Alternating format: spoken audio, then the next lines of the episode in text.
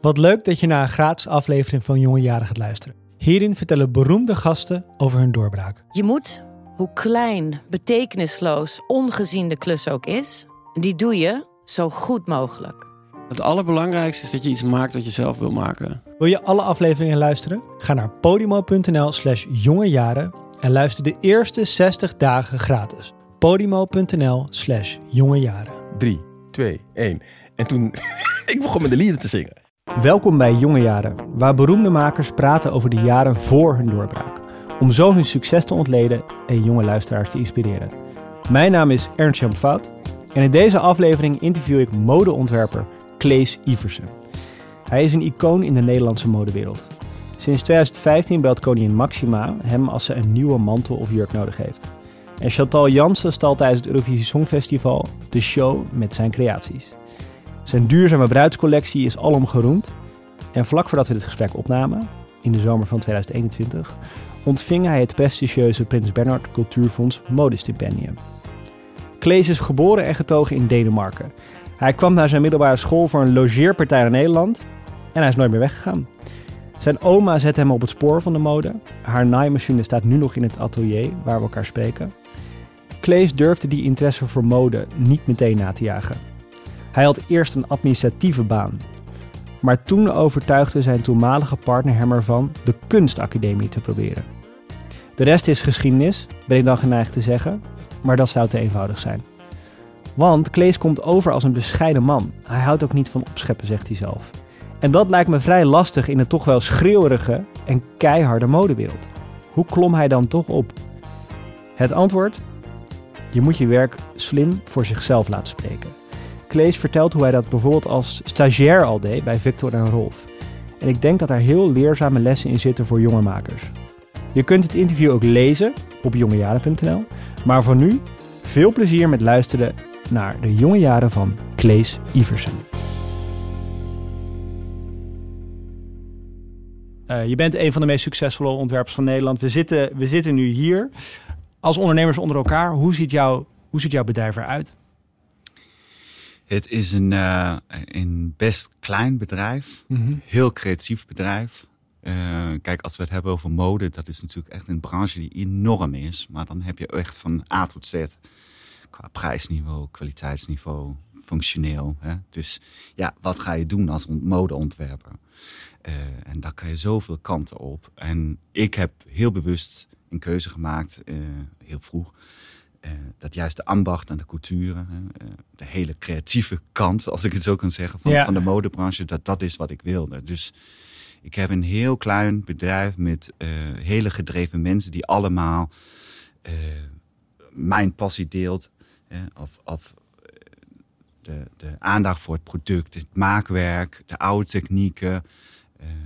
Die dat allemaal heel leuk vinden. Mm -hmm. dus, en hoeveel zijn het er bijvoorbeeld? Hoeveel mensen werken hier? uh, op dit moment uh, heb ik... Even, even je kijkt nu, je kijkt nu de, ja. het atelier in. Even tellen. Twee, drie, vier fulltime in dienst. Ja. En dan werken we dan afhankelijk van de drukte en zo met wat freelancers. Nu hebben we daar twee. Mm -hmm. En een team stagiaires van vier of vijf. Dat wisselt ook een beetje af. Dus het is een, de harde kern, zeg maar, is, is Ja. vier, zijn vier mensen waarvan twee in, in het atelier werken. Mm -hmm. En uh, ja, dat, zijn ook mensen die gewoon het heel leuk en mooi vindt om, om mooie kleren te maken. Want het atelierwerken betekent dat je echt bij het maakproces betrokken ja, bent. dat zijn de mensen die mijn ideeën uitvoeren. Dus van patroontekenen tot alle proeven en tests tot het uiteindelijke kledingstuk. En daar zit dus een enorm proces achter. Mm -hmm. En ook een bepaald mentaliteit en manier van werken. Uh, wat niet rammen is, als je zo kan zeggen. Het is Ja. niet even snel hup, hup, hup. Maar echt gewoon zorgen dat je met de stoffen meewerkt. En ja, dus ik noem het ook soms een soort laboratorium. Ja, want de jurk van Chantal Jansen, daar zat ongeveer 200 uur werk in, uh, hoor Ja. ergens. ja. Om maar een idee te geven.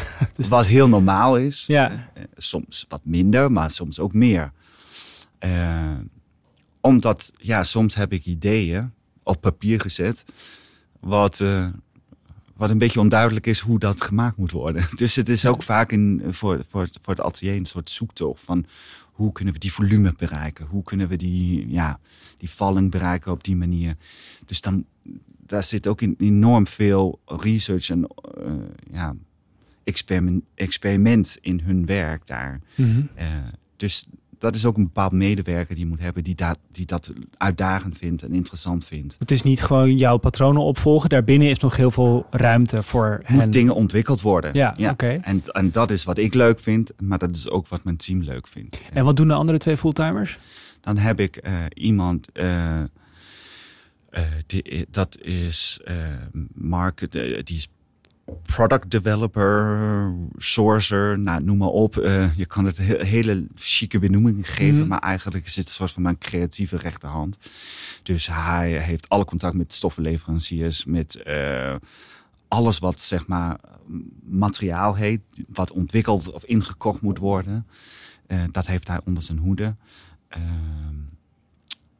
ook kijkt hij heel erg mee in mijn creatieve proces, omdat ik wel echt geloof in samenwerken en, en delen. Ik ben niet een kluizenaar.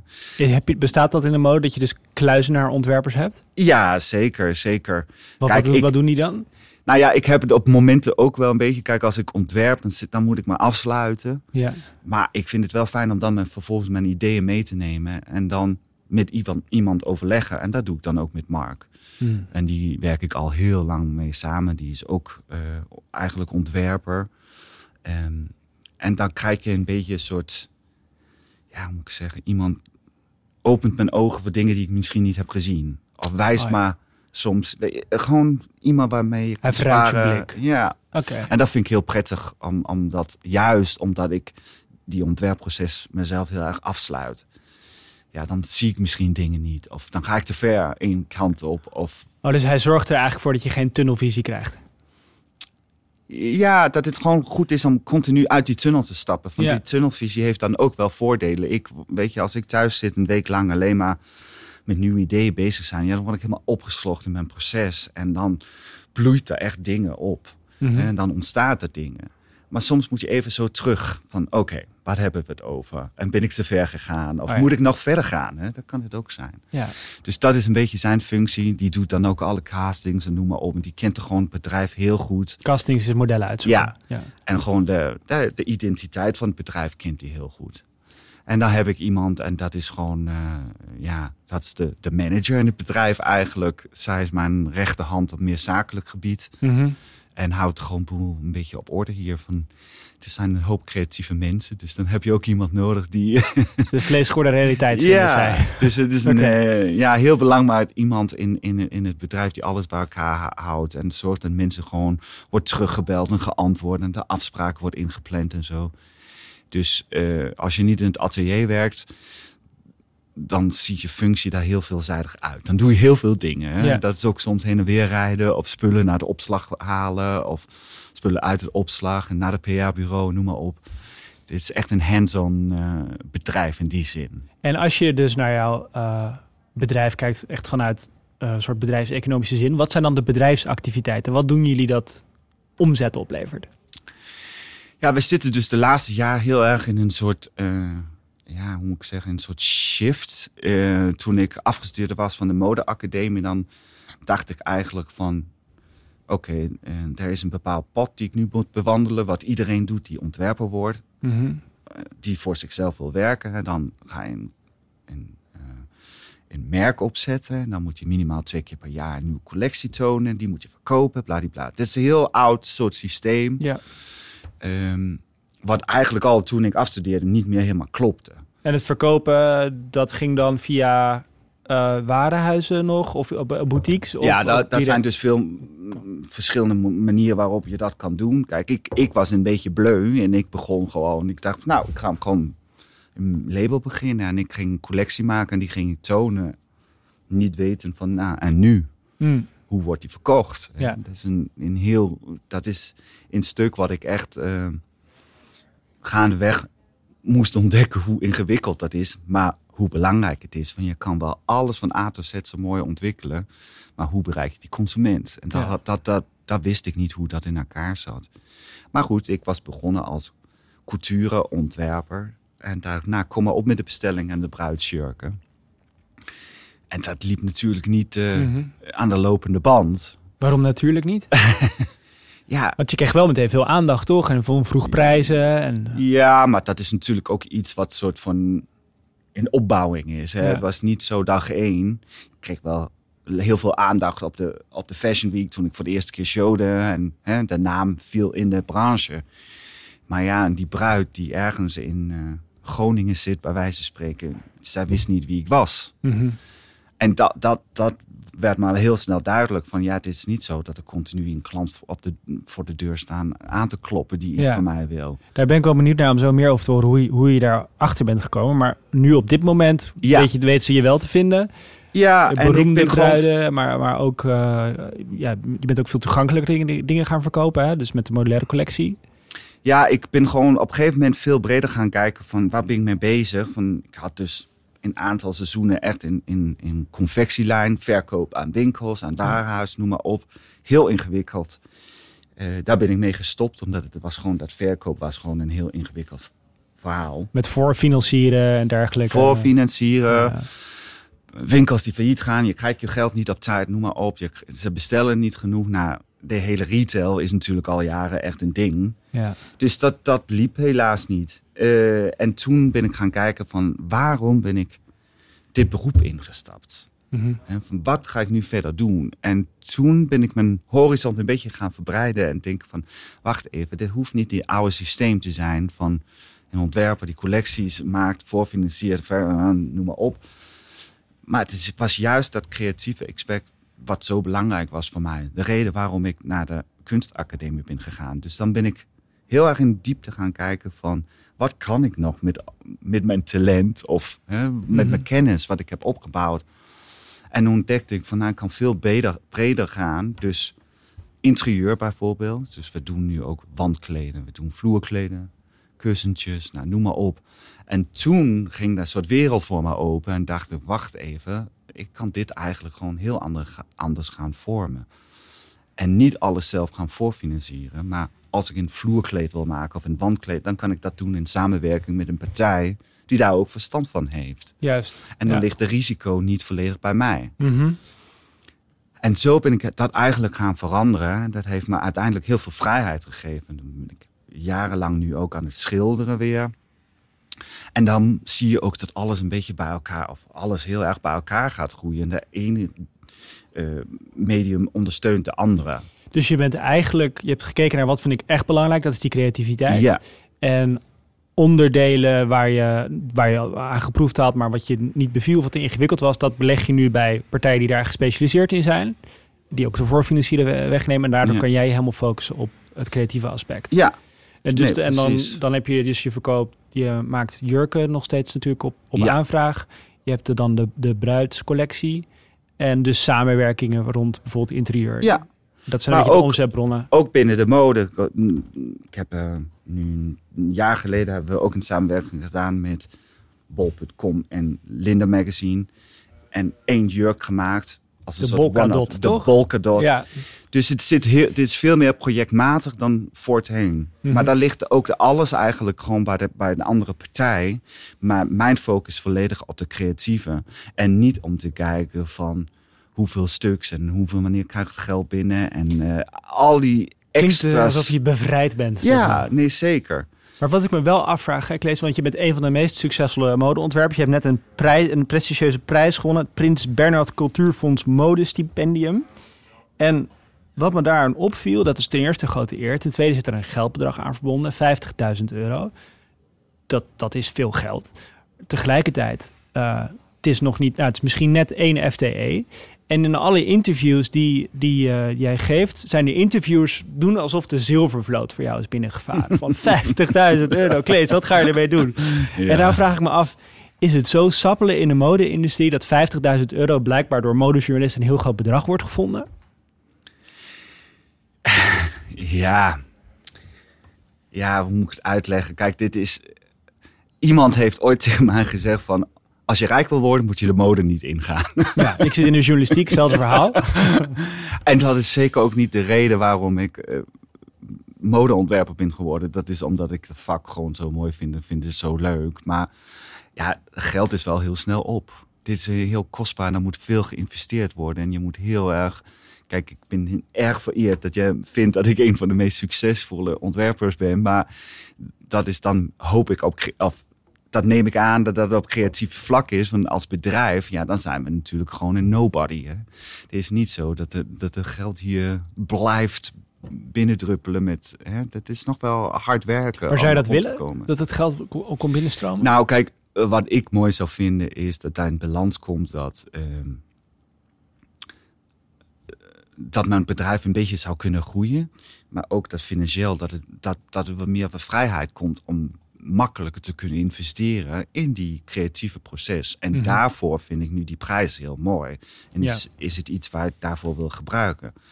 Om juist eh, eh, de creativiteit te stimuleren. Van, vaak dan moet je werken met externe partijen of freelancers of noem maar op. En dan, ja, dat, dat kost gewoon heel veel geld. En om even om aan te geven van, daar ben ik dus ook mee gestopt een aantal jaar geleden. Als je in, in de reguliere modeshow wil geven, in de traditionele zin, gasten uitnodigen, hè, heen en weer. Dat is dan ongeveer 15 minuten.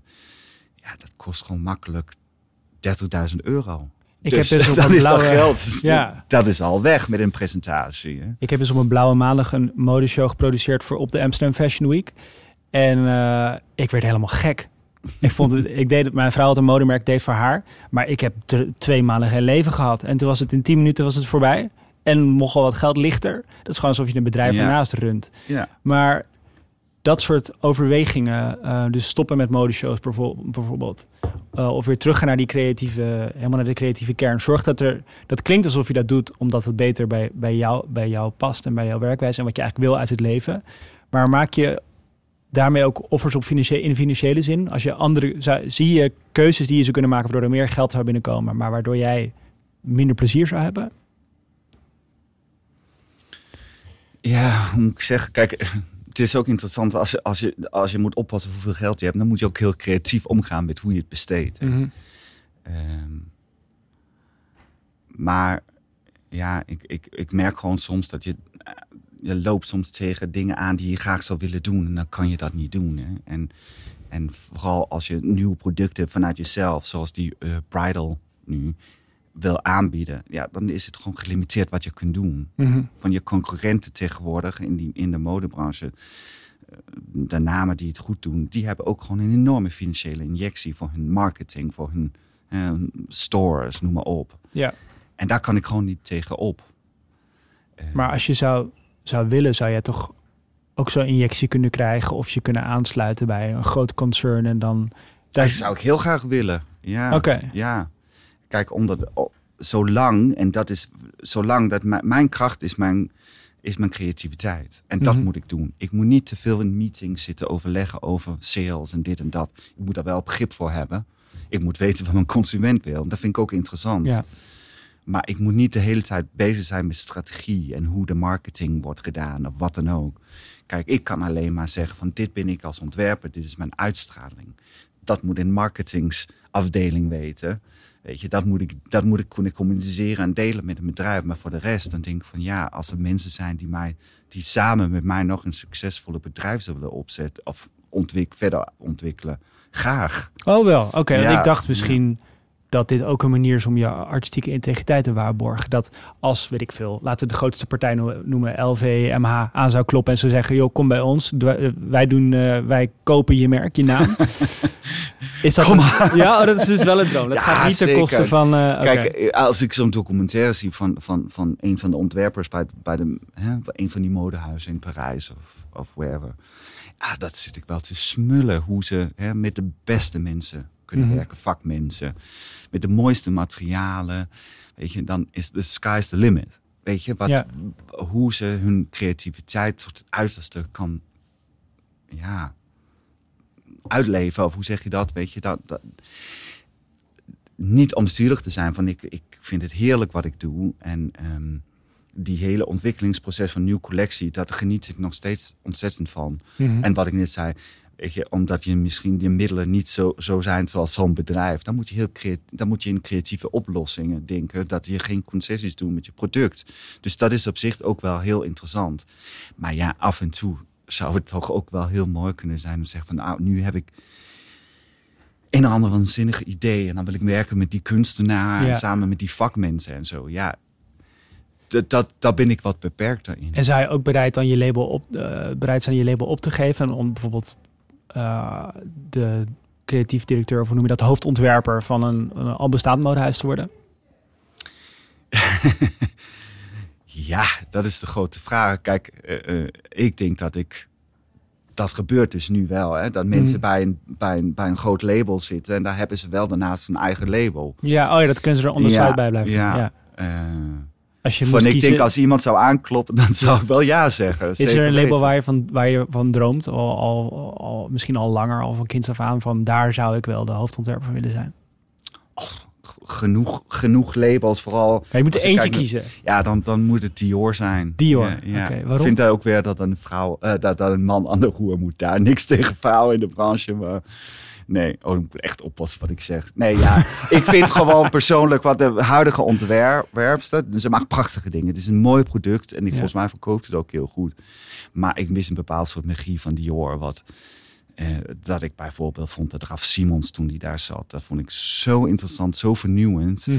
Weet je, met de, met de heritage aan de ene kant, maar dan ook de vernieuwing en de moderniteit en aan de andere kant. En dat kwam, wat mij betreft, heel erg samen. Ja.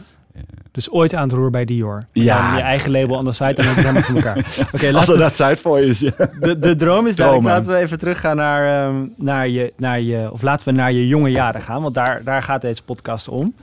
Eh, om je, ik hoorde eh, jou vertellen in een ander interview... wat je tijdens de lockdown deed om jezelf te vermaken. Kan je dat misschien die, even die korte opzomming Oh. geven? Want- Kort. Ja. Wat heb heb allemaal uitgesproken tijdens de lockdown? Nou, wat mij is opgevallen eh, recent, mijn soort van conclusie was dat ik in de lockdown vooral heel erg behoefte had om ja, ouderwets te kn ja, eh, knutselen. Ja, en hoe uitzicht dat? nou, er ging van de ene project naar de andere. Ik heb ehm, met kerst heb ik nog nooit zoveel kerstversiering in mijn huis gehad. En dan ging ik allemaal dingen maken en zo. Klees, hoeveel kerstbomen had je? Meer dan 17. 17. Maar sommige waren ook heel klein. Hè? Maar daar wa- dit was echt all over. Ja. Ja, dit, dit was ook echt zo waar ik denk van nu ga je echt te ver. Maar dan kan ik wel op mezelf lachen.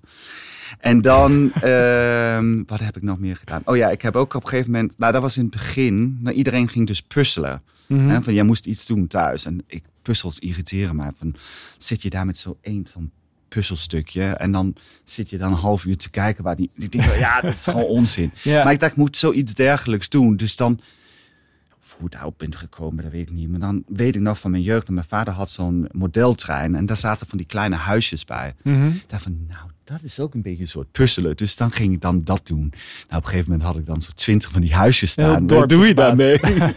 dus, nou ja.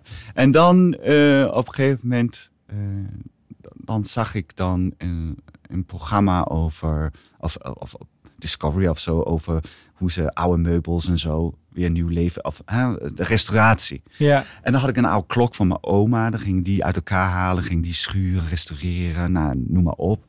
Dan ging ik nog een stoel bekleden, opnieuw, dat soort dingen. Dan Ja. zat ik een beetje in die hoek. Dan ben ik gaan, eh, ja, dat is wel een tijdje geleden, was ook heel erg bezig met potten, potten bakken. Pottenbakken, oké. Dus ja, allerlei technieken. Daar heb Ja. ik ook zo'n ding gekocht, zo'n draaiding. Ik echt potten ging draaien. was ook iets met bonsaiboompjes, toch? Bonsaibomen, ja, dat is ook een soort grote obsessie van me. ik heb alleen maar genetflixt, hè, die hele lockdown. Maar daar heb ik ook veel gedaan. Oké, Ja, ja, maar ja, ook daarnaast heel veel van dit soort en, eh, Ja. projecten en hobby's. En toen dacht ik, was je als kind, dat vroeg me af, was je als kind ook zo? Ja. Wat deed je als kind? Oh, mijn moeder werd er helemaal gek van. me. Dat kleien bijvoorbeeld komt van kinds af. Ja, En dat zegt ook veel over mijn karakter. Dat, is de manier waarop ik werk. Maar dan ging ik dan ergens op een naschoolse, whatever, ging ik dan kleien. Maar dan kwam ik echt met dozen vol kleidingen. Ik maakte niet één schaal of wat Mm. dan ook, nee. tien. En dat is een beetje hoe ik nog steeds... Ik ben erg productief. Als ik, als ik teken of schilder, wat dan ook, dan kom ik in zo'n flow. En dan, dan ligt er gewoon gelijk heel veel. En waarom? Waarom is dat, denk je, dat het meteen zoveel is dan? Dit is gewoon een bepaald soort drive die ik heb. Dat, dat, dat stukje creëren, dat is iets wat gewoon eruit moet. En daarom ook in zo'n lockdown, dat ik Ja. Ik- die handeling om iets te doen met je handen en dat er iets uitkomt. Ja, dat geeft me gewoon heel veel voldoening. En wat gebeurde dan op school als je daar, want daar, daar mag je niet, eh, daar moet je op een gegeven moment eh, taal rekenen en niet alleen maar met je handen bezig zijn. Wat, wat nou daar ja, ik, ik kreeg continu te horen dat de, of de docenten gingen altijd klagen bij mijn ouders dat elke A4'tje, eh, tekst of wat dan ook, op de achterkant zat altijd een tekening. en dat, dat is dus als ik al die spullen eh, uit de doos haal van, van school, dan zitten overal tekeningen op. Hè? Of dan ging er iedereen van de klas tekenen of zo, Ja. karikatuurtjes of zo. Dat, ik was altijd bezig. Op, ja, ik kon dat gewoon niet laten. En dat is ook gewoon ja, wat ik zeg, het is gewoon soort drang bijna. Dit moet gewoon gebeuren. Dus voor mij, toen ik op de academie begon, weet ik nog dat ik dacht van, dit is onwerkelijk. Je mag gewoon de hele tijd doen wat ik eigenlijk als kind nooit mocht. Hè. Dat, dat was eigenlijk, ja, ja. al dat creatieve, dat was een soort, weet je, dat was altijd mijn moeder, doe nou je huiswerk. En nee, nee. ja, want je moeder... Mocht eigenlijk niet creatief zijn. hè. Ja, want je moeder was secretaresse op de school waar jij naartoe ging, toch? Ja, op mijn eh, basisschool of middelbare school ja, was het. lijkt me verschrikkelijk. Ja, dat was het ook.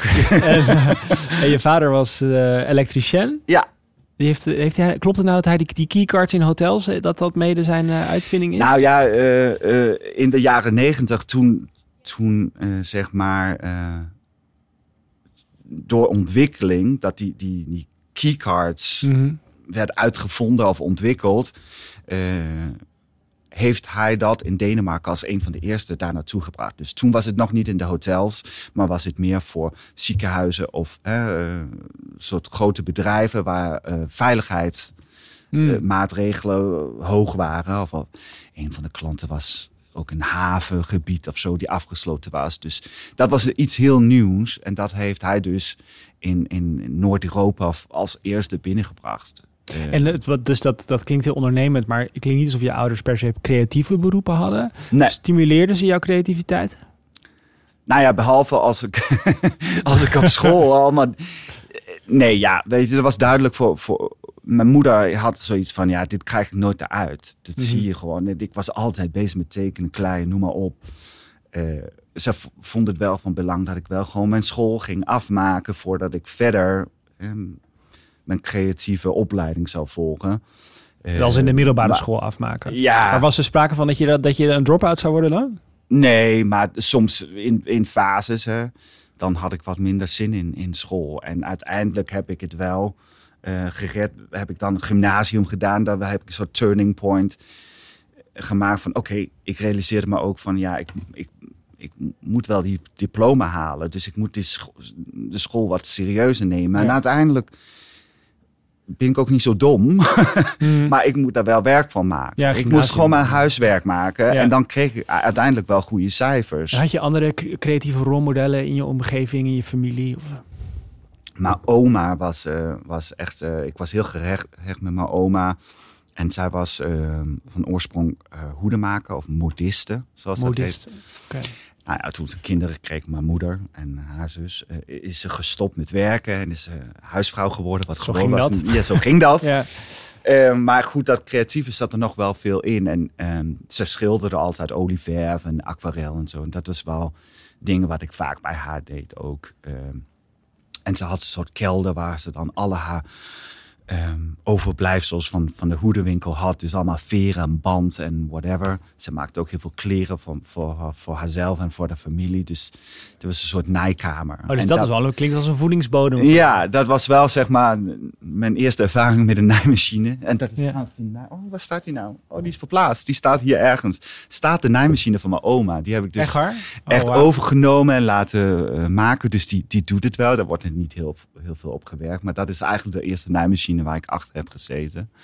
En eh, daar had ze wat poppen of zo van, van mijn nichtjes of zo staan. Die ging dan kleren voor maken. Dus dat was een soort van eerste, eh, zeg maar, poging om, om, om modeontwerper te zijn. Want je wel, het klinkt alsof je al over de place was met tekenen en, en, eh, en klei, maar dus ook met mode en ook schilderijen. Had je dan, als je fantaseerde over je toekomst, wat was dan, wat was de fantasie of de droom? Nou, ik weet dus ergens eind jaren negentig, eh, begin jaren negentig of zo, ehm, Wa- zat ik televisie te kijken. Ja, hoe oud En- was je toen ongeveer? Ja, 12, Mhm. 13 of zo. En we hadden in Denemarken toen twee zenders. Ehm, en daar was zo'n programma over van, eh, van een ehm, Deense ontwerper. En die was destijds de hoofdontwerper bij eh Balmain. Mhm. En er was zo'n programma over hem en zijn nieuwe collectie voor het komend seizoen of zo. Dus heel erg zo'n traditionele zin. En dan zag je hem dus zitten tekenen. En ik dacht op dat moment, dit is wat ik wil worden. Hm. En dan weet ik nog dat ik na, nadat ik dat had zitten kijken... dan heb ik echt zo'n, weet je nog, zo'n geruit blok papier. Ja. Heb ik daar dus geprobeerd mode te tekenen. En toen dacht ik van, ja, nu ben ik modeontwerper. Dit is wat ik ga doen. Dus eigenlijk op hele vroege leeftijd had ik zoiets van... ik weet wat ik ga worden. Mhm. En dat werkte dan ook soms een beetje tegen op school. Waar ik dacht van, oh, ik heb hier toch geen zin in. Ik weet wat ik word. Wat heeft aardrijkskunde met mode te maken? Ja, Ja. ik word modeontwerper, dus ik hoefde het helemaal niet. Maar eh, wat ik wel heel fijn vond, was dat ik merkte op een gegeven moment... eh, ja, richting zo 16, 17, 18... en iedereen ging zo zoekend. Wat moet ik worden? Wat moet ik verder studeren? Ik had die zorgen helemaal niet. Ik wist het Je gewoon. had gewoon die richting. Ja. Het is wel grappig dat dan. Wat sprak je dan aan, zo aan in mode? Want het, schilderen heeft je niet losgelaten. Ook, ook met. met eh, je, je bent nog steeds. Je maakt wand- en vloerkleden.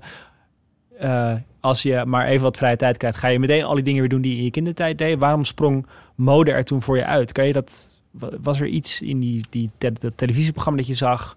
Dat je dacht van Ja, dat is waarom ik, ik denk wil? dat het een, weet je, dit is natuurlijk ook echt creatie vanuit het, het papier tot iets wat dan op een, bij wijze van spreken, theater wordt gepresenteerd. En dat, ik denk dat het ook een beetje voor mij als kind soort wegdromen was. Weet Maar zat de glamourkant van mode? Ja, Sprak ik dat daar iets magisch aan wel. Ja. Weet je, dat, het, dat, je, dat je een tekening maakt en dan vervolgens wordt het zo gepresenteerd. En weet je, ik was ook wel heel erg, ik was toen ook als kind heel muzikaal. Deed aan, aan, aan, toneel en dat soort dingen. Dus dat vond ik ook heel interessant. Dus dat was een beetje in de, de combinatie van. Hè. Dat, Mhm. wegdromen, denk ik dat het wel echt. Dat sprak me heel erg. En wilde je, wilde je graag beroemd worden? Dat weet ik niet zozeer. Of dat ook. Weet je, van ik, ik deed wel dingen met toneel en muziek en zo. Elke keer dat we zouden optreden en zo, werd ik wel heel erg schuw en zenuwachtig. Ik vond het wel. Ik vond het allemaal leuk, maar ik vond dat Mhm. ook een beetje eng. Dat was Het publiek. eh, ja, dat Die publiek. genoot niet van het applaus. Nou ja, dan- natuurlijk. Ik denk dat iedereen dat wel van geniet. Maar ik, ik had daar meer moeite mee. Van, ik heb wel een heel kort periode gehad van... ah, moet ik acteur worden of zo. Maar dat vond ik toch wel een beetje eng. Weet je, dat, Ja. dat, ik, Maar ik in de mode daar kan niet je ook beroemd in. worden. Hè? Ik bedoel, je zag, Ja. je zag iemand op televisie die mode... eh, Je droomde niet van door met de limousine door Parijs. eh, van Nou, dat was wel de droom zo van... oh, in Parijs werken, van groot modehuizen. Hè? Dus wel, je droomde wel van de top. Ja, Ja. ja. Oké. dat denk ik wel, ja. Eh, je bent opgegroeid in Denemarken. Ehm, toen was jouw zus in Nederland. Rond jouw twi- twintigste was je ongeveer toch klaar met school. Ja, dat, toen woonden ze hier al. Ja. En wa- wat, wat bracht haar hier? Zij hadden op in vakantie met mijn ouders, waar ik ook erbij was, had ze, eh, ja, hadden we Nederlandse buren. Mhm. En eh, ze werd verliefd op, eh, op, op de jongen. Op een leuke Hollander. Op een leuke Hollander. En nou, zijn ze een langere long distance relationship begonnen. Nou, op een gegeven moment ja, is ze daar naartoe verhuisd. ging ze trouwen. Is ze zwanger geraakt. Dus eh, toen ik eh, naar Nederland kwam, was ze zwanger met de eerste kind. Mhm. Met mijn eh, oudste nichtje. En ik was een paar keer wel al naar Nederland geweest. En ja, ik vond dat wel heel spannend. En Amsterdam, coole city. En ik was sowieso iemand... Ik wilde huis uit. Dat was maar al duidelijk vanaf mijn vijftiende of zo. Weet je. Ja. Ik wil de wereld zien. Ik wil weg. Ik wil naar de stad toe. Dat was wel een, een, een, ja, een groot wens. Maar in interviews tot nu toe komt het een beetje over alsof je per bent, bent blijven plakken in Nederland. dat, dat is ook wel een beetje zo. Van de bedoeling was dat. Ik weet dat toen ik klaar was met het gymnasium. ehm, dan wilde ik, met de grote droom was Parijs. Ja. En eh, ik denk dat mijn moeder dat een beetje eng vond en een beetje doelloos. Van ja, wat moet hij daar zonder opleiding nog? En eh, grote stad en dit en dat. Dus eh, samen met mijn zus hadden ze volgens mij besproken van... Nou ja, zorg dat hij naar Nederland komt. Dan kan je een beetje in de gaten Ah, oké, dus ze herkenden wel, jij wil weg. Ja, En ze dachten, maar dan wel nog onder de vleugels van je zus. een beetje zo. En ze wist dat ik het leuk vond. En dan ben ik, dan ben ik een gesprek aangegaan met mijn zus. En mijn zus zei, "Maar kom naar Nederland. Het is een soort halverwege naar Parijs. En dan zie je het maar. En ik dacht, nou, why not? En ik kon gelijk weg. Ik kon eerst bij haar logeren. Had natuurlijk helemaal geen geld. Dus dat was natuurlijk ook waar ik dacht van... Oh, nou, ik kan gewoon... Dit was echt een, een, een week na mijn afstuderen. Dan ging ik weg. Eigenlijk met, met geen geld op zak. Omdat ik wist dat ik bij haar eerst kon logeren. Dus dat vond ik wel... In Hoofddorp, toch? In Hoofddorp, ja. En waarom onder de rook van Schiphol? Waarom wilde je zo graag weg? Waar vluchtte je ergens voor? Ja, ik denk dat het eh, vooral heel erg met leeftijd te maken had. Ehm, dat ik ook gewoon, ja, ik was best wel een rebelse puber, denk ik. Of ik had wat botsingen thuis en zo. Dat Ik vond dat idee van op mezelf wonen, vond ik wel heel spannend en heel bevrijdend of zo. Je had ook naar Kopenhagen kunnen gaan. Ja, maar daar was ook dat avontuurlijke naar het buitenland. Dat sprak me wel heel erg aan. Ik wilde de wereld zien op dat moment. Ben ik niet verder gekomen in Nederland, maar goed. Hoofddorp naar Amsterdam. Eh, dat, dat was, ik denk wat veel jonge mensen hebben op die leeftijd. Weet je, echt een, die nest uit en wereld zien en naar de grote stad toe. Dat Mhm. trok me heel erg aan. Een grote stad. En op dat moment was ik ook net in het proces om uit de kast te komen en zo. Mhm. En daar had ik ook zoiets van, ik wil niet hier in deze boerendorp. Het was helemaal geen boerendorp, maar eh, ik wilde de stad zijn. Vandaar, ik had het gevoel dat ik daar meer mezelf kon zijn en dat ik daar volwassen kon worden op, op, op mijn termen en in een veilige omgeving. Ja. Dus eh, toen dacht ik van, nou ja, die Amsterdam, volgens mij best liberaal stad. Ja, dus wat het is een, eh, best heel handig. imago, ja. ja. ja. En, ehm, en dat beviel dus. Want je bent hier nog steeds. Ja, Mis je Denemarken wel eens?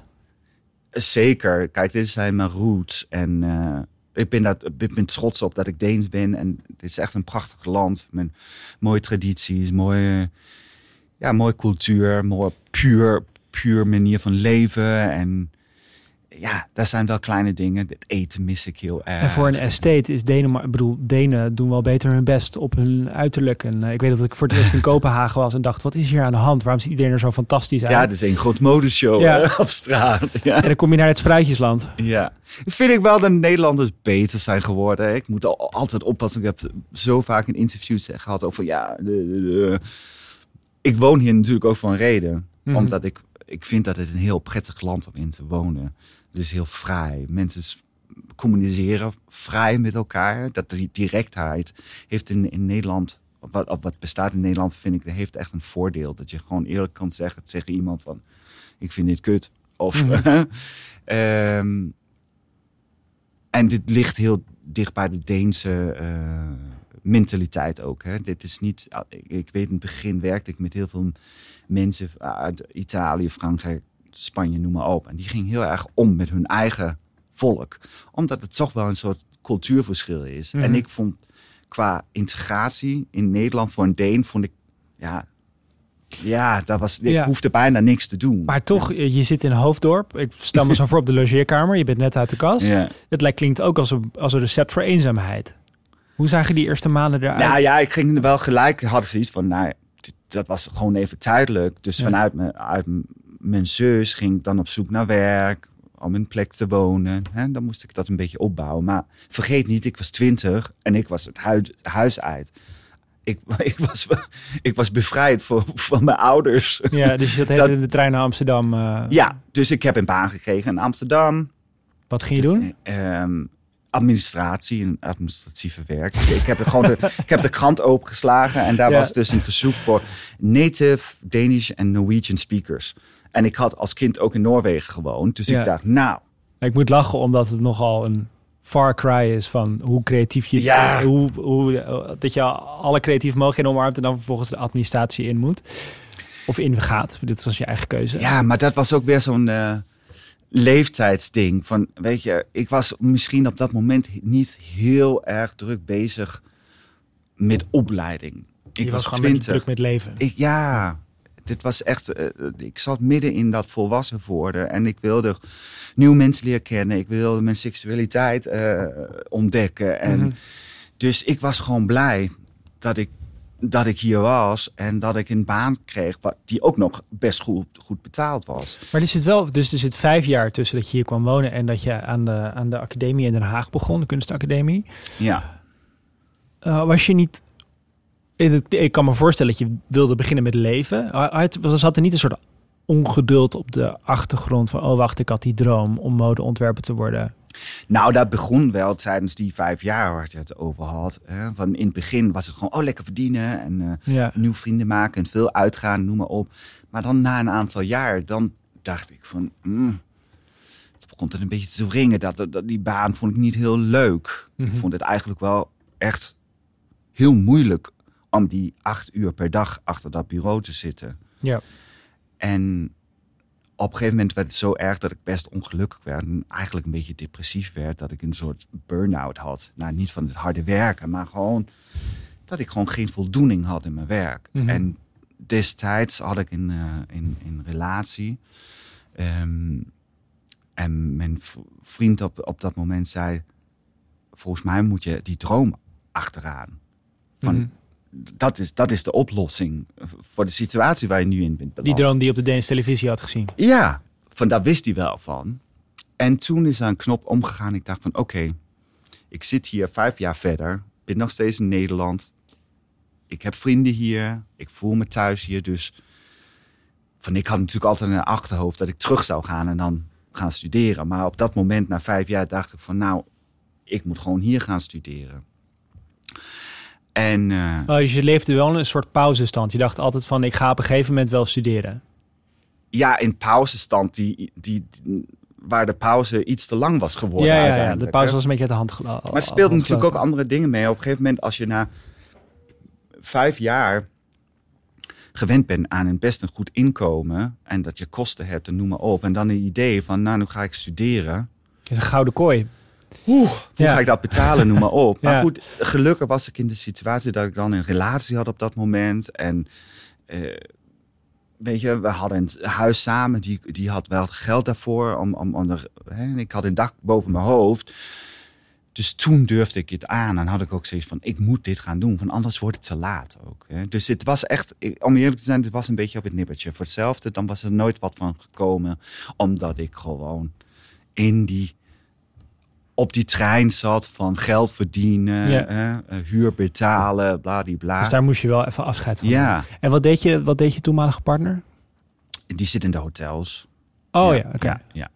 Dus, ehm, en op, op het moment dat ik dan naar de academie ging, begon die ook net voor zichzelf. Ja. Dus we zaten heel erg in, in dezelfde flow, wel vers- totaal verschillende dingen, maar die was fulltime bezig met het opzetten van zijn eigen eerste hotel. Dat is En- vonden hotels gewoon, ja, toch? Ja, En ja. dus hij heeft je wel een, een, het bepalende zetje gegeven. ja, zeker, zeker. En ik zie dat ze hiernaast zitten. Ja, dus ja. het contact is nog steeds eh, goed. Heel goed. Dit is mijn beste vriend. En eh, ja, we kennen elkaar nu meer dan twintig jaar of zo. Dus eh, ja, heel gehecht vriendschap. En die heeft ook gewoon mijn carrière vanaf het begin meegemaakt. Als hij dat niet gezegd had, wat was er dan gebeurd, denk je? Ja, Hoe heet hij trouwens? Arjen. Als Arjen het niet gezegd had. Ja, dat weten we niet. Kijk, eh, ik bedank hem altijd, want die, die gaf me gewoon een setje. Uiteindelijk heb ik het misschien wel zelf ontdekt, maar Mhm. misschien jaren later. Of ik was zo doodongelukkig geworden dat ik, hè, dat het nog, dat ik bij een psycholoog terecht kwam of wat dan ook, I don't know. Maar dit was wel een, een, een, een heel fijn setje, omdat het gewoon echt dan had ik zoiets van, oké, nu ga ik het gewoon doen. En dan ging er ook gewoon een switch in me om. En dan moest ik natuurlijk portfolio samenstellen. Moest ik gaan, ja, gaan kijken waar wil ik studeren. Ja. En daar heb ik ook gelijk, zoals, zoals ik ben, daar maak ik ook gewoon heel veel werk van. Dus toen ik eh, eh, naar Den Haag ging om, eh, voor een toelatingsgesprek, wat best een ingewikkeld procedure is, maar dat is natuurlijk ook, dat moet ook. Hè. Dus eerst kom je op een gesprek en dan word je uitgenodigd voor een toelatingsexamen. Ja. Maar ik had dus uitzonderlijk het geluk dat met het portfolio die ik liet zien, hebben ze maar gelijk een plek aangeboden en hoefde ik geen toelating te doen. Grappig dat je het geluk noemt. Ja, geluk. Dat, zo, zie, zo ervaar ik dat, hè. dat. Ik ben echt daar omheen gegaan. Ik hoefde dat maar ik heb ook het vermoeden dat iemand die 17 kerstbomen maakt, uh, het vrij, vrij, vrij intensief in zijn portfolio had geïnvesteerd. Ik heb het, heel, ik heb het toen heel intuïtief gedaan. En ik, oh, ik zou het echt aan niemand meer willen laten zien. Maar eh, gelukkig hebben ze wel daar iets in gezien. Maar is dat en, niet en ik denk de passie. Te bescheiden, geluk? Ja. Want het valt wel op in jou. In je, Oké, je had even vijf jaar pauze, maar daarna, dus je wordt meteen op de academie toegelaten. Daarna regel je een stage bij Victor en Rolf, het hoogst haalbaar in Nederland op, dat moment, misschien nog steeds wel. En vervolgens regel je dat je, je zit op de verkeerde afdeling bij Victor en Rolf. Je regelt dat je bij het atelier komt. Dus je, het klinkt eh, ook alsof je een soort formule hebt. Want daarna word je ontwerper en meteen komen de prijzen binnen. En je, je, carrière leest als een, eh, nou, leest als een succesverhaal. Ehm, zes jaar na je eerste culturencollectie mag je voor de koningin een jurk maken. Ik bedoel maar. Dat is dan niet alleen maar geluk. Nee, zeker niet. Kijk, Wat is je maar geheim? ik vind het gewoon, nou eerlijk Als ze de te zijn, bescheidenheid ik vind het niet zo fijn om te zitten opscheppen. Nee, maar dat weet ik. En Daarom dat- zeg je ook en- geluk. En, Maar en net, zoals bij te die net zoals bij die toelating hoop ik altijd. En blijkbaar is het, is het wel zo dat mijn werk voor zich spreekt. Dat is wat ik het allerbelangrijkste vind. Dat je kijkt naar mijn werk en, en je als klant of toeschouwer of school of wat dan ook enthousiast wordt en iets daarin ziet. Ja, en dat is het enige wat ik kan doen. Ja, ik ken heel veel mensen die ook, ook heel getalenteerd zijn. Jij vast ook. Maar wie het net iets ontbreekt aan dat ze niet, niet toegelaten worden. Of niet doorbreken. Of niet ehm, eh, de jurk voor de koningin mogen maken. Het is toch ook gewoon... Je, hebt toch ook, je werkt toch ook gewoon harder dan iedereen? Nee, precies. Weet je, dat zeg ik ook altijd. Het is ook niet uit niks gekomen. Het is hard werken. Ja. En dat komt waarschijnlijk terug op wat ik als kind had. Die, die, die compulsie, of wat je het wil noemen, om, een, om gewoon om iets te creëren. Dat, zit, dat moet er zo uit. Dat, dat kan ik niet controleren. En dat zit dan ook, als ik iets wil doen, dan doe ik het goed. Dan doe ik het 100%. En dan ga ik daarvoor. Mhm. En dat is dan dat harde werk, wat tegelijkertijd mij heel veel plezier geeft. Eh, daarom kan ik het doen, denk ik. En dan, en dan ga ik daar gewoon. Waarom hou je eigenlijk niet van opscheppen? Nee, ik ben daar wel beter in geworden om te zeggen dat ik dankbaar ben en ik ben trots. Maar wat ik zeg, ik wil ook altijd dat mijn kleding eigenlijk op de voorgrond staan. Ik ga niet helemaal groot praten daarover, terwijl dan misschien dan schep ik te veel op en dan valt het tegen. I don't know. Ik, is dat mooi opscheppen? Dat is toch geen Nou, mooie weet, kwaliteit je- bij iemand? Nou ja, ik, dat, dat klopt. Maar Dat- het is dat- ook een harde wereld waar je in zit. En als je ooit de, eh, de ontwerper van Dior wil worden, dan is het toch... Daar komt, moet toch ook een zekere bravoure bij komen kijken om daar te komen? Functioneel opscheppen? Dat vraag me dus af. Eh, Kijk, eh, soms dan geef ik lezingen over mijn werk. Ja. Nou ja, dan is de tijd altijd op en ik ga maar door. Dat kan ik doen. Dat stukje verkoop, dat kan ik wel. Maar dan vertel ik hoe mijn wereld eruit ziet. En dat vind ik, dat is de manier waarop ik het liefst praat over mijn werk. En daar komt waarschijnlijk het dichtst bij opscheppen. Dit is een kennis die ik heb opgebouwd. Dit is een bepaald talent die ik heb. Dit is een bepaald smaakniveau, whatever. Dat is mijn wereld. Daar kan ik wel over praten. Maar ik vraag me ook af of iemand in baan bij, bij een groot motorhuis gaat, als die zit te opscheppen over zichzelf. Die moet zichzelf bewijzen uiteindelijk. Dat, is, dat vind ik belangrijker, dat ik door mijn werk mij, eh, mezelf bewijst en laat zien wie ik ben en wat ik kan. Zegt en niet in woorden. zegt je omgeving wel eens dat je te bescheiden bent? Ja, ik hoor het wel eens. Ja. Waarom zeggen ze dat dan tegen je? Omdat ik niet hou van opscheppen, denk ik. Maar zij zien dus ook dat het je Ja. wat zou kunnen brengen als je meer eh groter over je werk zou praten. Ja. Ja en nee. Ik denk dat het gaat om een balans te zoeken. eh, dat ik mijn werk niet tekort komt en wat ik kan tekort komt. Mhm. Maar dat ik ook dicht bij mezelf blijf. Maar dat ik gewoon met trots daarover kan vertellen en dat overbrengen. Eh, ik denk dat er gewoon bij mij een soort angst zit om mezelf beter te maken dan wat ik ben. Dat zou ik niet willen, Mhm. weet je. Maar dan ben ik ook heel erg bezig met, oh, wat zullen ze van me denken? En, en, en. en daar moet ik misschien wat meer loslaten. Maar ik moet ook eerlijk zeggen, als ik iemand tegenkom die heel erg zit te opscheppen en zo. Ja, dan dat is ook iemand die ik voorbij loop. Dat vind, Ja. ik, dat, dat vind ik geen charmante eigenschap of zo bij iemand. Ja, dat vind ik niet dat het- authentiek of hetgene zo. wat je het meest haat in de anderen ook heel veel over jezelf zegt. Dus. Dus er zit wel een struggle rond dat. dat, dat Ja, maar maar ben jij een opschepper? Dat, jij lijkt me ook niet een enorme opschepper. Weet je, ik denk... Nee, maar ik heb wel op momenten... In, ik denk wel dat ik op momenten heb gezegd van... ehm, ik werkte bijvoorbeeld bij een krant. En op een gegeven moment was ik 24. Toen zochten ze een chef internet. Toen vroegen ze aan mij... In, in principe vroegen ze aan mij... welke oude mensen ken jij die dit kunnen doen? Toen zei ik, laat mij het maar doen. En dat is wel een soort... Ik heb veel te danken Ja, aan dat, dat maar soort dat vind ik ook bravoure tonen. anders. Kijk, Dat Eh, kan je ook opschepperig noemen, eh, dat je dat... Kijk, als ik een, een, een klus wil binnenhalen of mezelf verkopen, dan ga ik er ook anders over praten dan hoe wij nu praten. Hè? Dus Mhm. het is ook. Maar zitten strooien met, oh, ik heb dit gedaan, ik heb dat gedaan. lalalala. Weet je, dat, voor mij gaat het over authenticiteit. En dat vind ik heel belangrijk, want dat past bij mijn label. We zijn ook geen schreeuwig. Ik ben geen schreeuwig. Ik zeg altijd wij, hè, ik doe het niet Ja. alleen. We zijn geen schreeuwig eh, bedrijf, of hoe noem je dat, label. Weet je, dat past niet bij mij. Maar goed, als ik in een, als ik, als een opdracht is en ik denk van dit is iets wat hoort bij mij, ja, dan ga ik dat ook gewoon. Ja, want je, Ja, je, bent, je? eh, ja. Ja. je bent wel functioneel in jezelf in de kijker spelen. Want bij Victor Rolf bijvoorbeeld, dat je, je regelde voor jezelf als, sta, als stagiair dat je bij het atelier terecht kwam. Hoe ging dat? in- regelde. Zo, kwam- zo kwam het op mij over toen ik Ja. erover las. Hoe ging dat in zijn werk? Nou ja, ik was aangenomen. Kijk, je- gaat solliciteren voor een, stage. Dus ik heb mijn portfolio laten zien. Ik ben uitgenodigd. Ik kom op gesprek en intern. Dan denk ik dat het zo gaat van nou, eh, die- gaat in die afdeling stage lopen en die gaat daar stage lopen, noem maar op.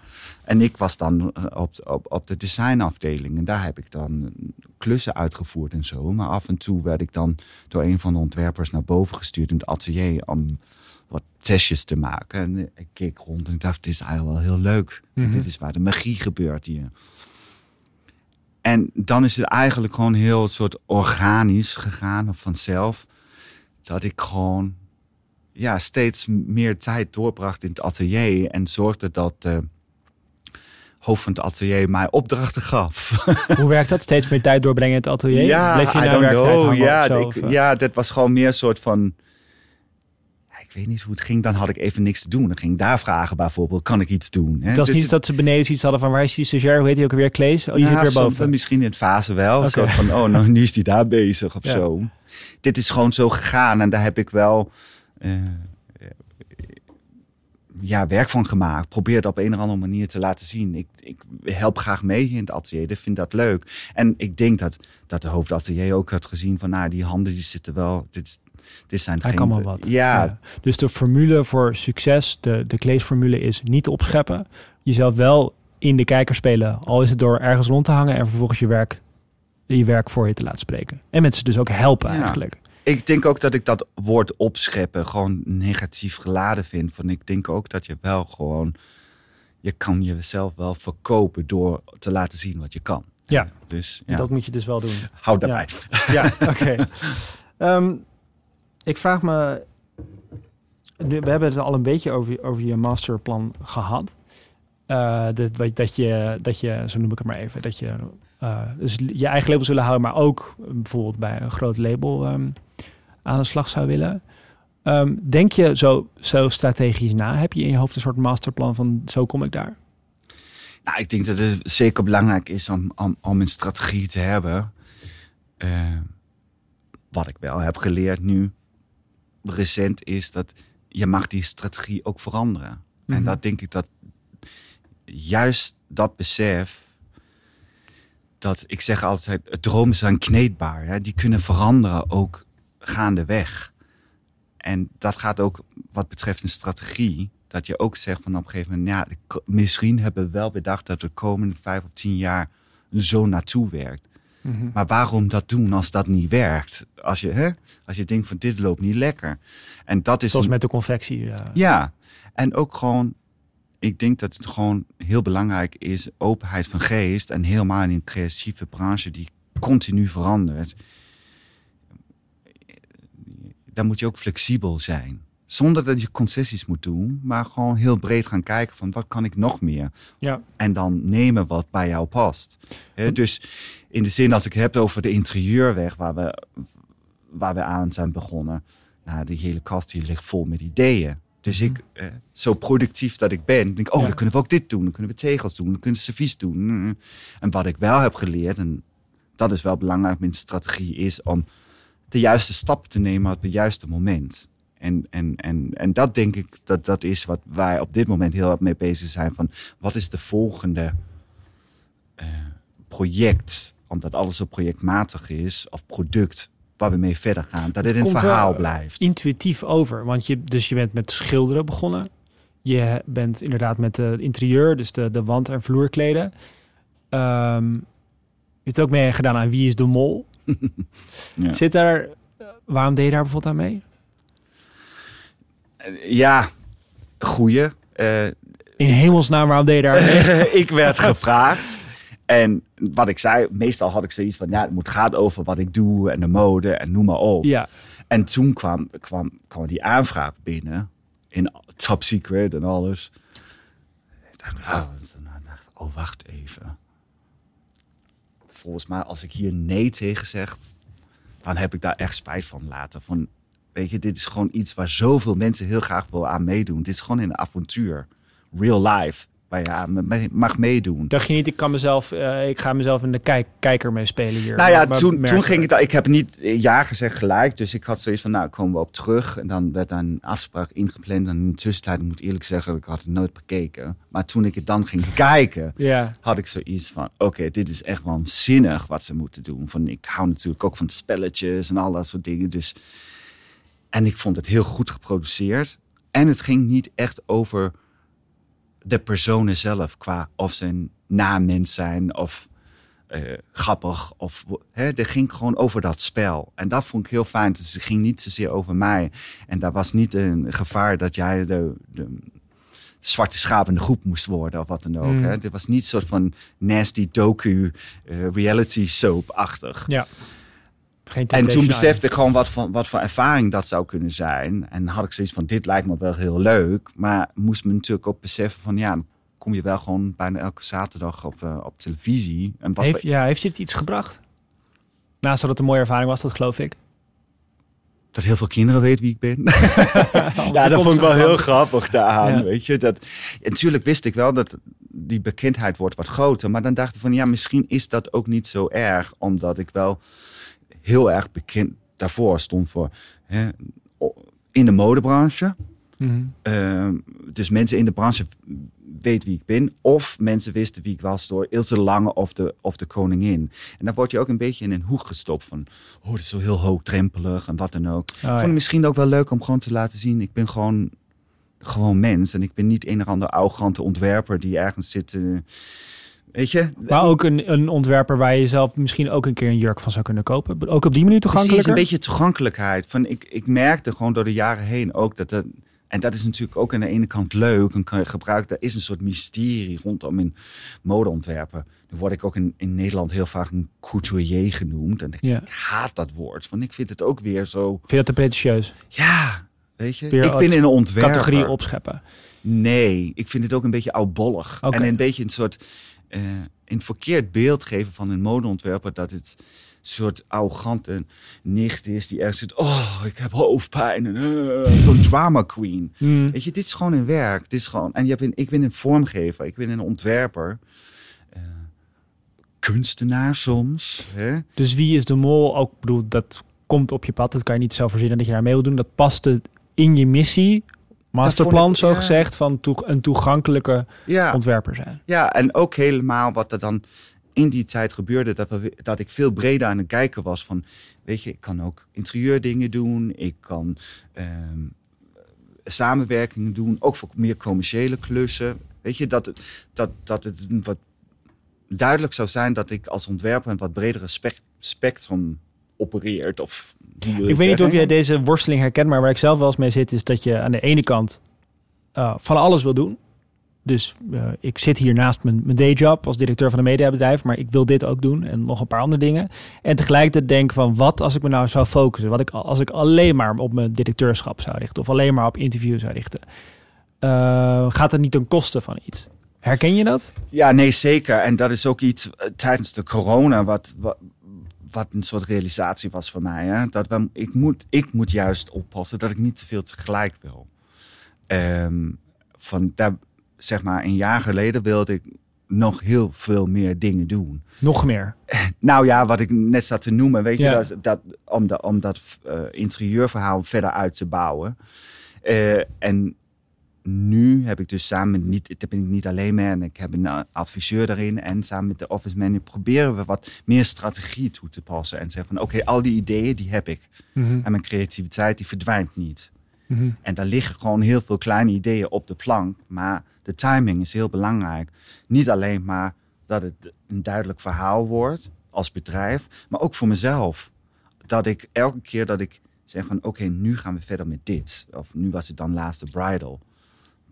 Dan even niks anders dan die bridal. Dat dat product goed genoeg wordt. Dat ik zoveel mogelijk plezier erin heb. Dat mijn team ook. Hè, we zijn maar vijf man hier. We kunnen ook niet zoveel. Ja. En, eh, en daar probeer ik nu in al die ideeën die dan liggen, om een beetje een verhaal en kijken van wat is de beste strategie? Wat is de volgende product? Wat is de volgende stap? Dat dit ook niet eh, er te veel heen en weer vliegen wordt. Maar goed, tegelijkertijd, ik blijf wel gewoon lekker mijn ding doen in, hè, eh, op de manier met schilderen of knutselen of whatever. Want volgens mij geloof jij stiekem Die- ook dat je er gewoon be- beter van wordt, toch als ontwerper, die, die multidisciplinaire. Ik moet gewoon die vri- creatieve vrijheid hebben. Ja. Dat merk ik wel. Dat helpt. En hoe we het dan vervolgens op de markt brengt of naar voren brengt. Daar zijn we wel wat strategischer over misschien. Hè? Ja. Maar die drang ga ik niet tegenhouden. Dus als ik wakker word in de ochtend en denk van nu moet ik gewoon tien nieuwe potten kleien of whatever. Dan wil ik die vrijheid hebben om dat te doen. Ook als het ten koste zou gaan van je succes als modeontwerper. Nee, van dat gebeurt niet. Nee, is dat niet zo dat als je alleen maar gefocust zou zijn op hoe... eh, Op pottenbakken. Nee, nee op, op de, juist het andere van hoe zorg ik ervoor dat ik die de, de ladder van modeontwerper beklim. Eh, je zou kunnen zeggen in plaats van bottenbakken ga ik me nu mijn energie richten op een Amerikaanse doorbraak of zo. Ja, nou kijk, dat, dat, dat is dan de zakelijke kant. Hè? Maar daar Ja. wil ik me liever niet te veel op richten. Dat moet ik wel. Zou je niet uiteraard. moeten netwerken met, met, met beroemde Ja, maar dat, dat hebben we ook wel gedaan. En kijk, op het moment dat je naar het buitenland wil, dan heb je natuurlijk uiteraard een strategie nodig. Ehm, maar als we het hebben over, over, over Amerika als een voorbeeld. We hebben, eh, we hebben wat eh, Amerikaanse actrices gekleed, noem maar op. Heel leuk, heel ingewikkeld, kost heel veel tijd en geld. Er staat die celebrity, laatst een actrice ook. Wie bijvoorbeeld, noem je Eh, we, hebben, we hebben Amber Heard gekleed, bijvoorbeeld op de Ja. Cannes Film Festival. Onvergetelijke Dat vraag. was een heel mooi, het is een hele mooie vrouw. Dat was een heel mooi moment. Waar we zeker trots op. Ik heb Rita Ora een keer op de eh, Voice of zo gekleed, noem maar op. Mhm. Nou, mooie momenten en zeker om trots te zijn. Nou, als we hebben over opscheppen, nou Ja. dat doen we wel op ons Instagram. ja. Maar om hier eigenlijk geld uit te winnen, dat betekent dat je moet ten eerste nog vaker doen. Dan moet je eigenlijk een PR-bureau hebben in Amerika. Wat best duur is. Dan vervolgens moet je het ook kunnen verkopen. Dus dan moet je eigenlijk, of ik of iemand anders daar gaan zitten. En In plaats van pottenbakken de, Ja, naar de andere kant van de maar in- oceaan gaan. in pak klei kost iets minder dan. nee, snap je waar ik heen wil? Kijk, als je zo'n strategische move wil doen, en ik Ja. sluit zeker niet uit dat dat gaat gebeuren, maar dan moet je de middelen hebben. Dus financieel, personeel, Ja. et cetera. Daar moet je best veel eh, nou, energie en geld daarin je stoppen. En dat heb ik op dit moment eerlijk gezegd niet. Nee, oké, maar dat kan komen. Zou je dan wel Ja. bereid zijn daar meer tijd aan te besteden? En dat zou dan ten koste gaan van je andere creatieve side projects. Dat offer ben je bereid te maken. Nou, ik weet wel, als, het, als we het hebben over zo'n zo'n zo'n situatie. Nou, neem dan de bridal, dat willen we graag uitbreiden, verkopen. Misschien in Amerika. Nou, dan weet ik, dan moet ik daar wel ook naartoe. Maar ik, de, de, de ideologie, of, of hoe moet ik zeggen, van het bedrijf is nog steeds dat mijn creativiteit moet zo veel mogelijk bewaakt worden. Dat ik die vrijheid heb. Vandaar komt uiteindelijk alles uit wat verkocht moet worden. Ja, Dus hoe meer ik bezig ben met meetings doen met een PR-bureau en een marketingbureau en eh, winkels en noem maar op. hoe meer dat te kosten gaan van, van, van het ontwikkelen uiteindelijk van de producten die verkocht moet worden. Dus dat blijft wel, en dat weten ze ook binnen het bedrijf. Hè. Mijn, de office manager of mijn, eh, de manager van het bedrijf, als je het zo noemt. Dat is haar taak ook om te waken de hele tijd van... Oké, we hebben een meeting met die en die en die. Die kan ik wel alleen doen. Dus ze probeert zoveel mogelijk van mij weg te houden dat ik die ruimte heb om dat te kunnen doen. Dus als je zo'n stap zou maken om naar Amerika, Amerika eh, te gaan en dat veroveren, dan weet ik wel, dat wordt er wel wat verwacht van mij. Ja, Maar er mag niet te veel te kosten gaan van die creatieve vrijheid die ik op dit moment heb. ja, want hier ben je een grote vis in een kleine vijver. Daar ben je een kleine vis, Ja, ben ik een nobody. een nobody. en eh, dat ze kan ook ten koste gaan van hoeveel tijd je aan de creativiteit kan besteden. Je kan dan ook zeggen, waarom zou je er überhaupt heen willen? Waarom, waarom is dit niet genoeg? Nou, kijk, voor nu is dat, staat dat niet bovenop. Maar uiteindelijk raak je dan verveeld, want je zegt al meteen voor nu. Dus het moet wel een keer gaan gebeuren. Ja, nee, wat ik zei, kijk, die bridal is een mooi voorbeeld. Dan, dat moet, uit, dan moet ik gaan verkopen, moet uitgebreid worden. Mhm. Weet je, we, we hebben nu één verkooppunt in, in, in, eh, in Amsterdam. Dat is een heel mooi begin. Wij doen het vanuit, vanuit ons kantooratelier hier. Maar uiteindelijk is het natuurlijk dat er moet wat volume komen. Dat, dat die bridal ook gaan leveren, dat het een succesverhaal wordt. En dan moet ik weer verkooppunten. Dus daar moet ik naar het buitenland toe. Maar het Ja. kan niet zo zijn dat ik in die auto moet stappen en al die winkels bezoeken. Vijf dagen in de week. Van Nee, dan, kan dan ik geen, dan kan ik geen nieuwe jurken ontwerpen.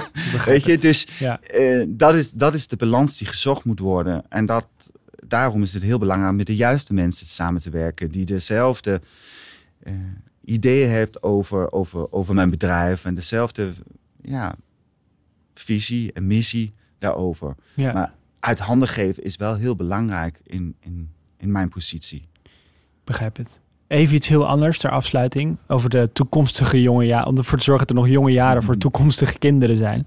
Eh, de mode-industrie is natuurlijk een industrie die heel veel, eh, nou, heel grote impact heeft op het milieu. Hoe, hoe kijk, kijk jij daar, naar, daarnaar als onderdeel van die industrie? ik kijk daarnaar eh, naar een probleem die je echt niet kan of mag negeren als je in deze branche werkt. Dat is Mhm. echt gewoon, er staat bovenaan de lijst nu duurzaamheid. En helaas, in mode is het zo complex. Van die duurzaamheid zit niet alleen maar in het produceren van, maar dat gaat echt van, van, van, van het moment dat er iets wordt getekend tot het moment dat het wordt gekocht in de winkel. En dat gaat over productie, het gaat over transport, het gaat over duurzame materialen. Local versus eh, import. Maar het gaat over, over een bepaald eh, ehm, koopgedrag ook vooral. Hè? Bij de Over consument. de vraag, ja. De vraag en een bepaald waardering over, voor, de kledingstukken. Van als je ziet hoe consumptie omhoog is gegaan, ook in de retail, de laatste jaren is het enorm. Hè? Dus dat betekent ook dat de waarde die de consument hecht aan een, aan een product is aan het veranderen. Want we Als hebben het over met- consumenten in de rij voor een winkel eh, die naar binnen gaan en met zes tassen naar buiten lopen, toch? Bijvoorbeeld. hè? En dan draagt ze het één keer, wassen ze Ja. keer en dan blijkt het niet meer Ja. te... ook door het internet is het zo makkelijk om gewoon een hoop kleren te kopen, passen en terugsturen. Ja. Nou, vaak die spullen die dan wordt teruggestuurd, dat kost voor het bedrijf meer geld om dat opnieuw te labelen en noem maar op en het weer te verkopen. Dat kost meer geld dan om het in een hoop te gooien hè, als soort van afval. Dus er zijn heel veel kledingstukken die nooit zijn gedragen, Mhm. die, die heen en weer zijn gegaan met een of ander transportbedrijf naar de consument. En dat wordt gewoon vernietigd.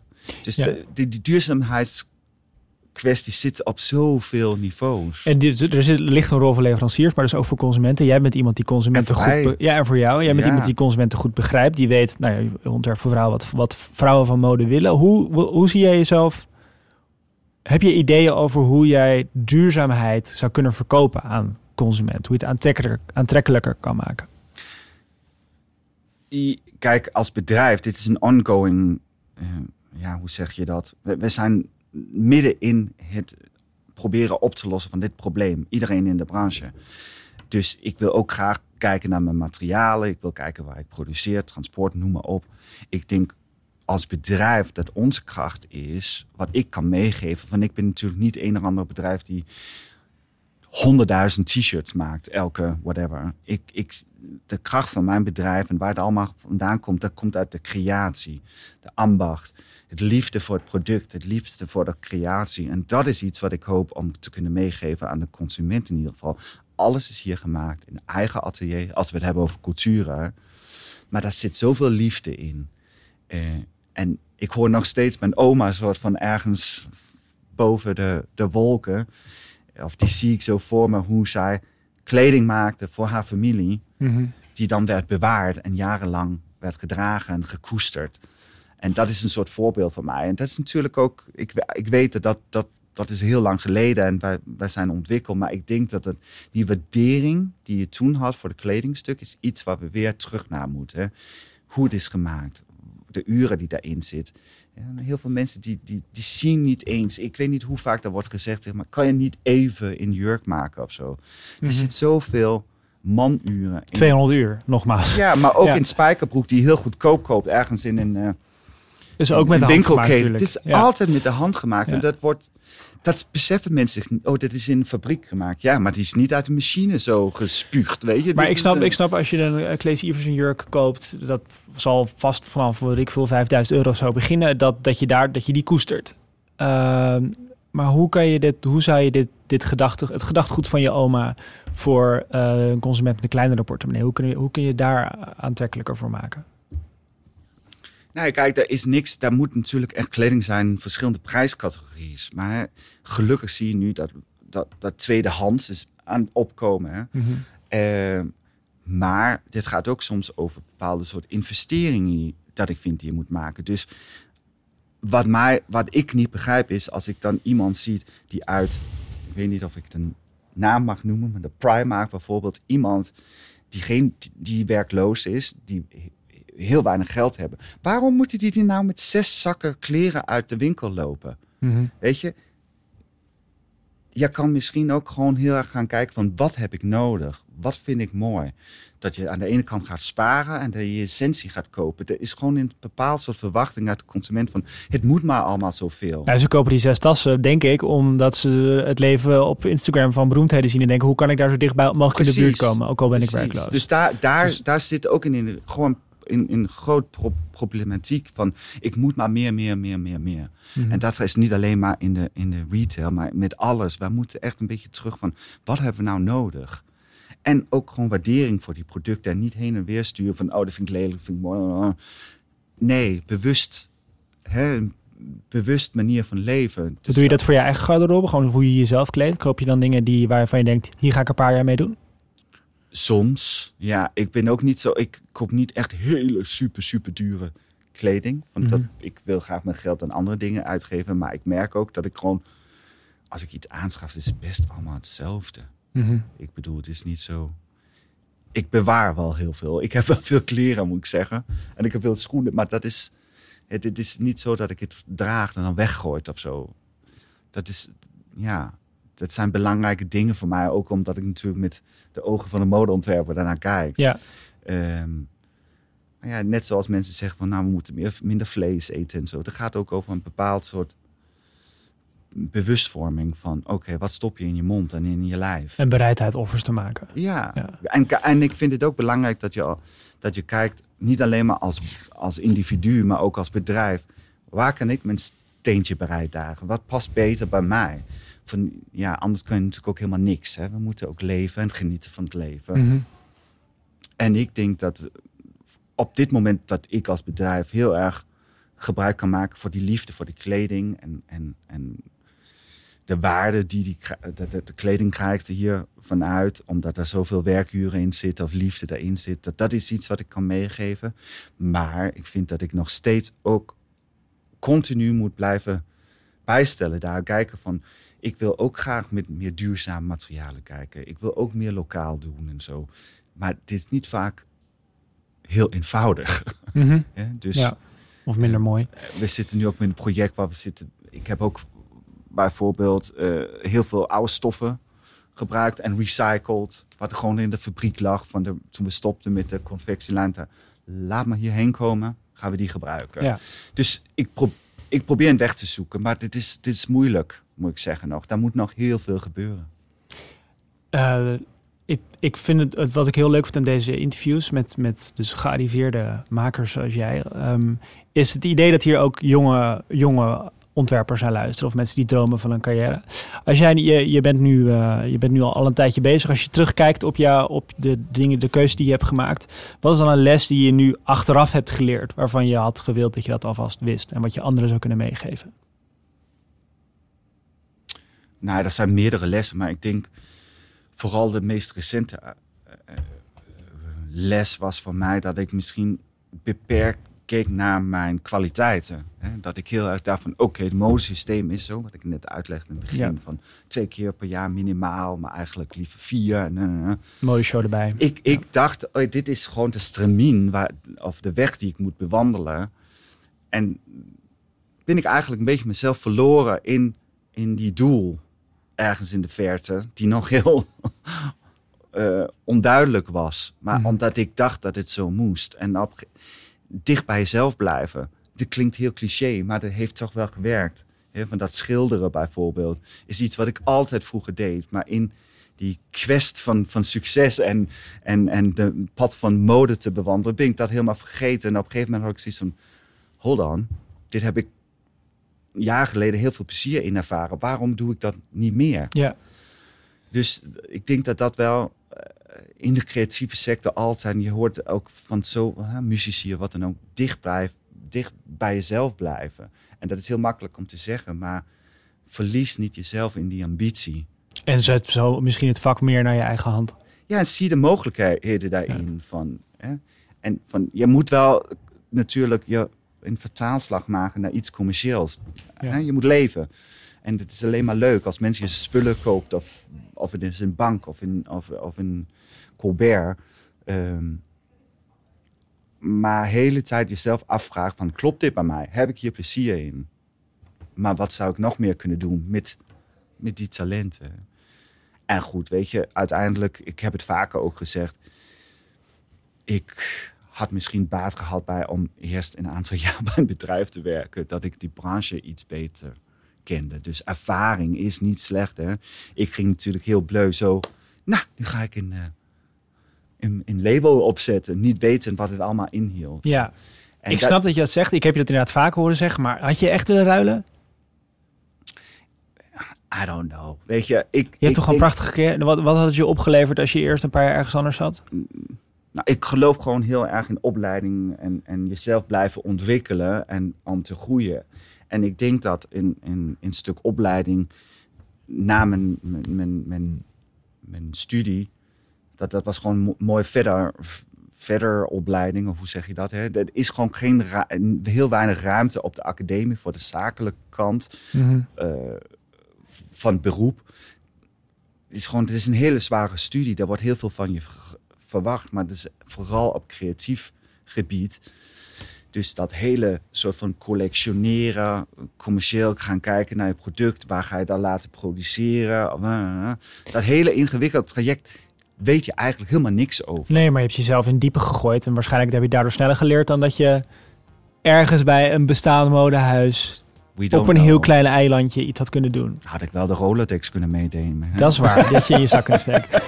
nee, maar goed, we never know. En Ja. ik heb nergens spijt van. van ik heb het, weet je, ik heb van dag één heel veel plezier gehad. En zoals je zegt, I learned the hard way. Maar ik heb ook andere dingen ontdekt. Dus weet je wel, en we weten nooit hoe het was geweest. En je eigen Rolodex opgebouwd. Ja, zeker. Met na zes jaar de koningin erin. Dus volgens mij is het wel goed.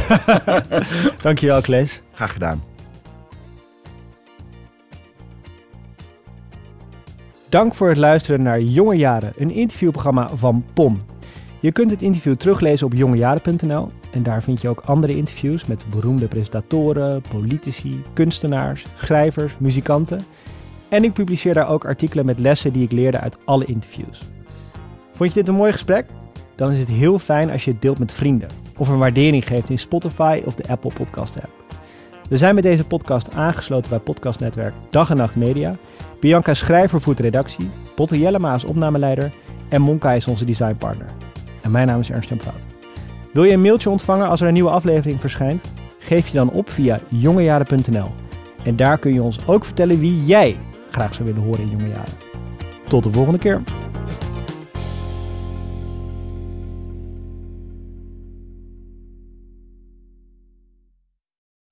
Wil je meer afleveringen van Jonge Jaren horen? Ik heb nog tientallen andere interviews met inspirerende makers opgenomen. Ga naar podium.nl slash jongejaren en luister 60 dagen gratis. Mis het niet en laat je inspireren om je eigen pad naar succes te vinden.